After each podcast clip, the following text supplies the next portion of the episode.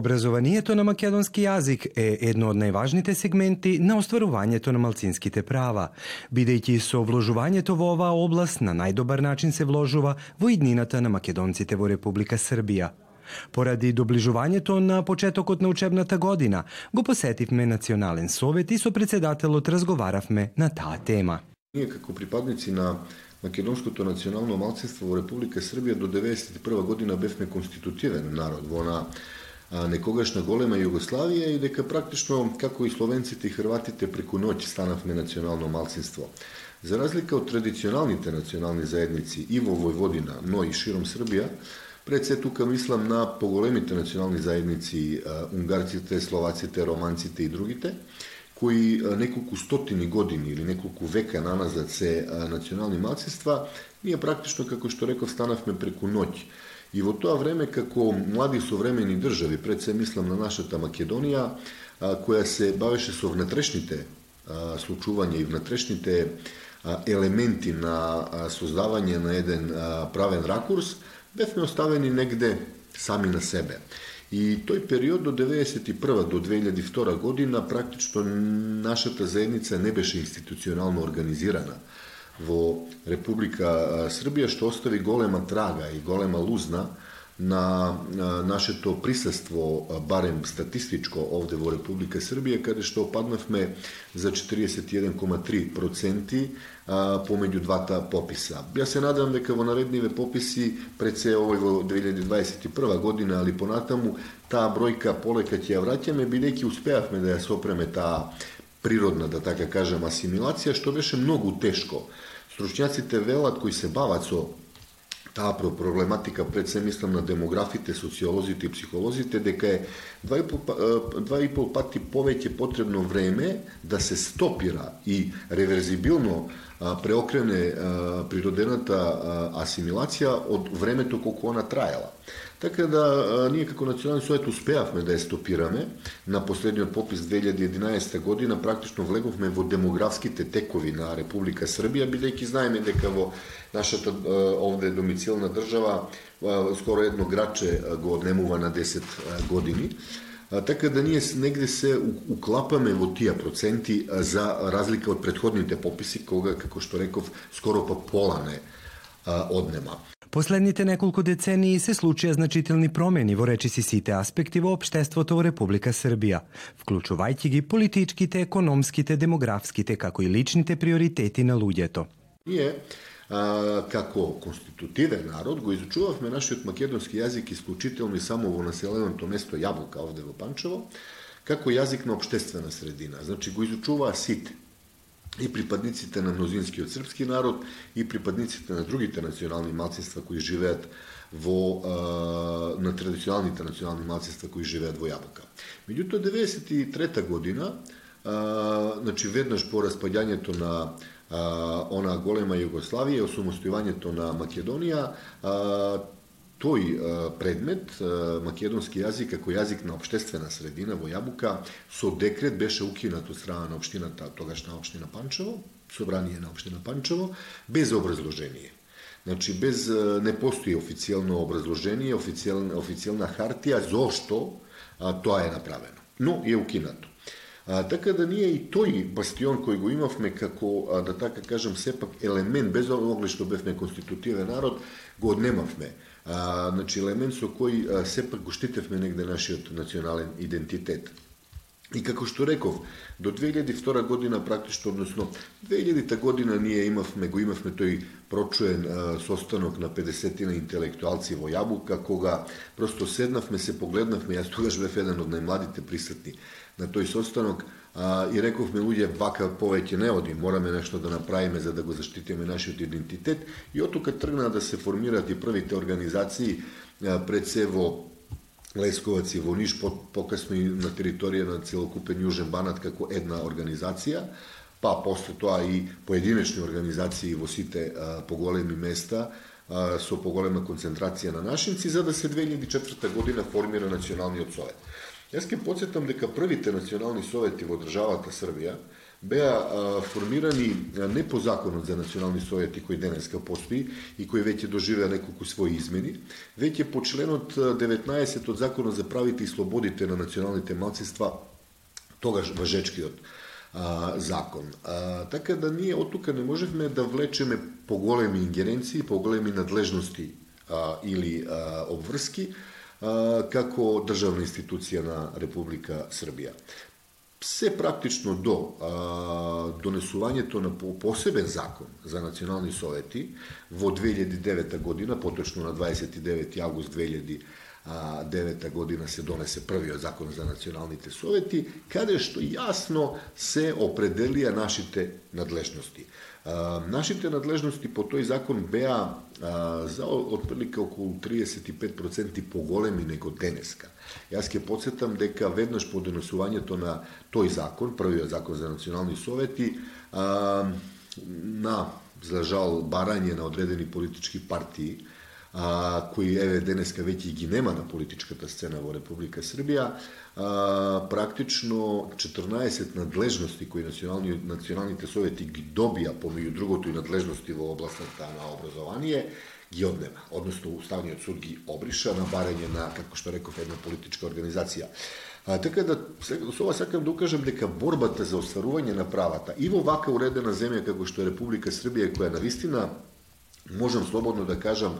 е пример а, на еден квалитетен исчекор во остварувањето на малцинските права, слободно можам да кажам не само во регионот, веќе во Европа и светот, а, сепак а, постои една борба континуирана перманентна борба а, со а, донесување на квалитетни закони и нивна имплементација на терен. Така да, согласно тоа, до донесувањето на првиот закон за национални совети, како што реков, ние работевме во еден сосема друг закон, по еден член на еден друг закон, и ги немавме тие надлежности. Со донесување на овој закон, со придобивање на надлежностите, ние тргнавме и да се организираме и во таа област, областта на образование, и тука по прв пат успеавме со една исто така перманентна, континуирана и, и исрпна борба малце звучи рогобатно, ние македонците се, сме секогаш научени да нешто се изборуваме, а не да добиеме, него да заслужиме, а, така и ова а, сметам дека го заслуживме со една, една да така кажам, еден а, и политичко-дипломатски и квалитетен исчекор, бидејќи сме ние како заедница познати во Република Србија како една од нај примерените заедници, слободно можам да кажам. Во сите анкетирања кон мнозинскиот српски народ, но и кон другите граѓани на Република Србија, а, ние сме секогаш на високите првото или второ место како најпосакувани комши, најпосакувани пријатели, најпосакувани брачни другари, што нас не става во еден концепт на една заедница која е мирна, стабилна i koja saka da bide da, da, kaže, saka me da bideme uzorni građanina Republike Srbija. I to je moto to na nacionalni od Soveta. Nije saka me da gi ostvarujeme kontinuirano našite prava, i kao, to nije prva ta cel, tako da kažem, i vtora ta cel je da bideme što pokvalitetni građanina Republike Srbija. Ova država dima pouza od nas. Прашањето и проблемот на наставните планови и програми, како и учебниците за изучување на македонскиот јазик со елементи на национална култура, беше една од главните теми на Национален совет. Првите исчекори ги направивме тогаш, со едно, да така кажам, еден квалитетен пристап, кон Министерството за образование тогашно Министерство за образование, денес Министерство за образование, наука и технолошки развој на Република Србија, каде што успеавме по прв пат предметот македонски јазик со елементи на националната култура, да го имплементираме во законот за основите на основното образование и воспитување во оваа држава и практично нашата училишна година тогаш требаше да тргне 2011-2012. Меѓутоа, 2011 година не успеавме поради техничко-законски елементи тоа да го направиме, имено некој, повторно, ќе кажам, а, кој очигледно не и сака добро на државата Србија, бидејќи државата Србија е позната по а, ова што преске го кажав, по желбата сите малцинства да ги добијат своите а, права, а, намерно, иако законот вели поинаку, а, ја пролонгира објавата на а, ова одлука а, во службен вестник. Се додека не се објави нешто во службен вестник во Република Србија не е валидно, така да објавата дека македонскиот јазик со елементи на националната култура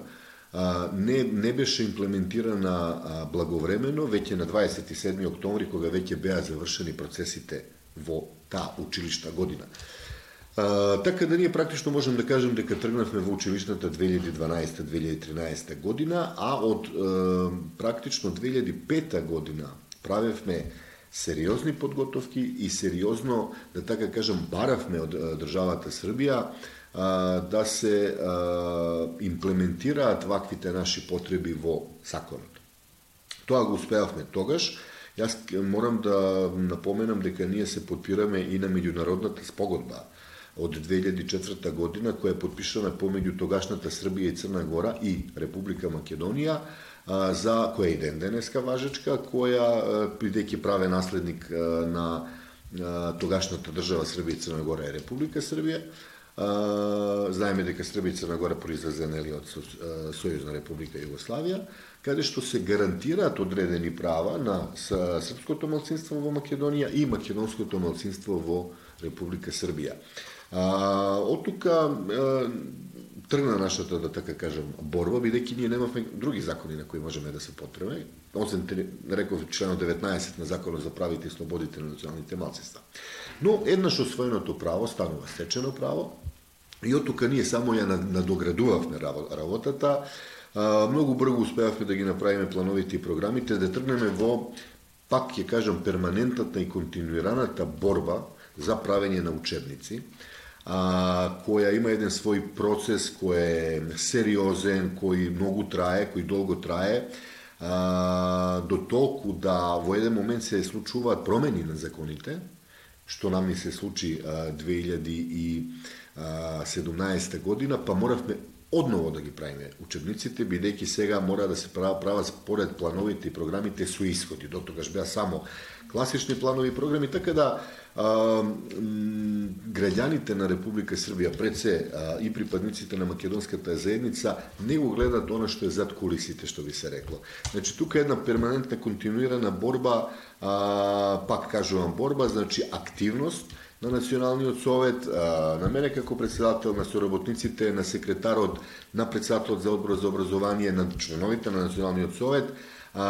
за да се остварат да, да, да кажем нашите потреби и имплементираат во законот, ајде тоа е негде моја работа, да се а, направат квалитетни планови и програми, да се направат квалитетни учебници, што е задача на одборот за образование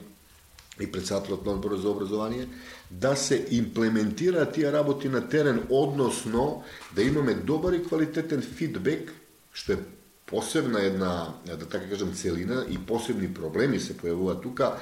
во а, изјаснувањето на родителите и децата дека сакаат да го изучуваат предметот македонски јазик со елементи на националната култура, каде што се вклучени сите члени на националниот совет, секој во својата средина. Стратегијата на образованието во Република Србија до 2020 година истакнува дека за подобрувањето на квалитетот на образованието на македонски јазик во Србија мора да се води сметка за подобрување на работната и наставниот кадар. Јас можам со горност да кажам дека еве ние а, до сега од 2000 училишна 2012-2013 година до оваа година каде што најавивме веќе преку јавните медиуми дека од оваа година ќе имаме и во Вршец две групи по прв пат. А, а јас се надевам дека ќе имам ексклузива која денеска само во најава ќе кажам дека ќе имаме од оваа година и во Краљево. А, а се надевам и во и во Суботица каде што покажуваме дека и во време на корона успеваме да ја имплементираме нашата потреба во оваа област. Со веќе дефинитивно вршац, бидејќи е позитивно дадено мислење од Министерството за образование, наука и технолошки развој и уве, уве, убеден сум и уверен сум и Краљево и, и Суботица, ние ќе имаме рамно 15 училишта во кои се изучува предметот македонски јазик со елементи на националната култура. Колку групи ќе види ќе, ќе бидат ќе видиме, се уште тоа не ни е познато бидејќи имаме да така кажам нешто што се вика а, ние не го сакаме тој тој насловно се вика а, позитивна дискриминација, ние повеќе сакаме да кажеме афирмативна акција, каде што имаме и еден договор, јас се заблагодарувам на Министерството за образование, наука и технолошки развој и на самиот министер, имаме еден интерен договор помеѓу националните совети и министерството, да и ако се групите нешто помали, да побараме како национални совети и да ни се излезе во пресред, бидејќи е тоа потребно како потик а, нашинците да го изучуваат својот мајчин јазик. Не само нормално не зборувам за македонската заедница, него за сите заедници. До сега не сме имале негативен одговор од Министерството, затоа не можам да ги прецизирам бројот на групите и бројот на децата до крај, али дефинитивно ќе бидат 15 училишта каде што ќе се изучува јазикот. А, за период од некои 7 години, мислам дека резултатот е добар, земајќи во предвид дека не да тргнавме од нула, тргнавме од минус, што би се рекло, и тргнавме оно што нашиот народ уме да го каже жаргонски со многу сопки, со многу а, да така кажам, а, неквалитетен фидбек во почетокот, меѓутоа се поквалитетно и поквалитетно се случува работите во оваа област, за да денес, денеска на вистина во тој дел немаме проблеми. А, ние имаме една перманентна потреба за кадри, за предметот македонски јазик со елементи на националната култура. Апелираме, е, еве сега во тек е управо и а, конкурсот од Македонија за доделување на бесплатни стипендии за школување на некои од факултетите на универзитетите во Македонија. Апелираме до сите граѓани, припадници на македонската заедница, да се да кандидираат за овие стипендии, значи потполно се бесплатни стипендиите,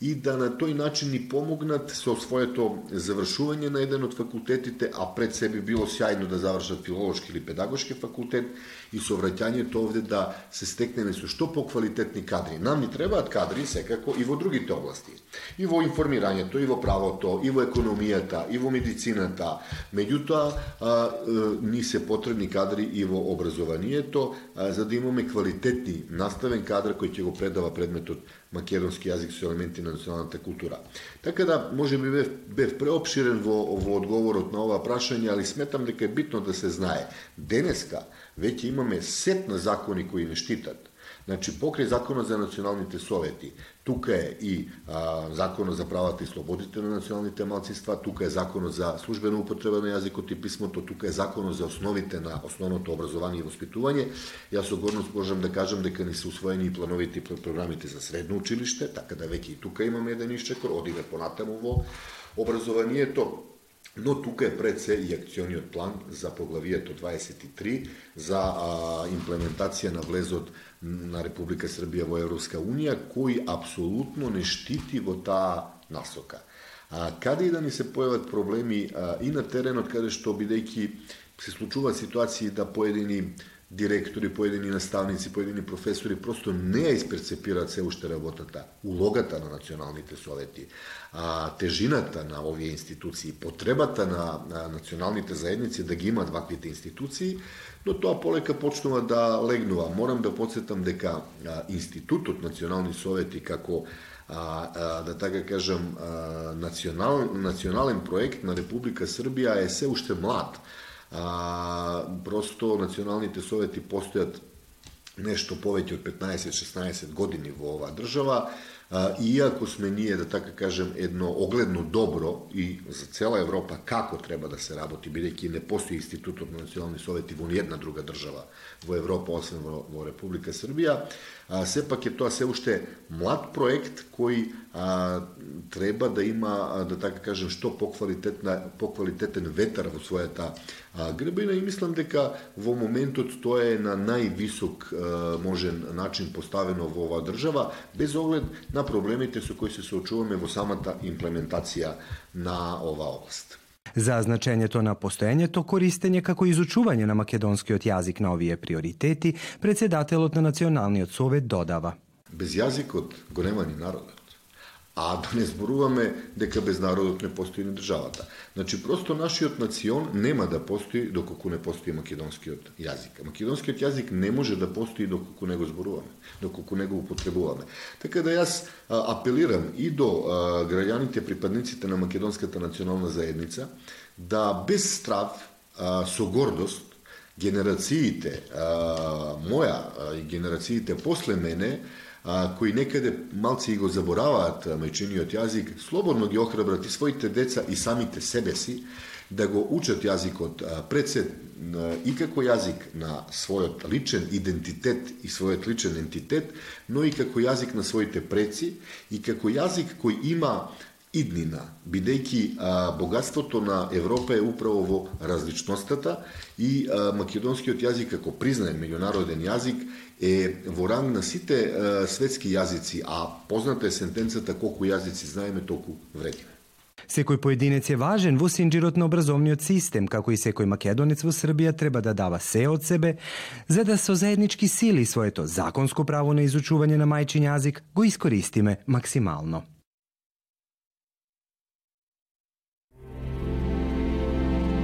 Gledate paletu. Izbor iz emisija na jezicima nacionalnih zajednica.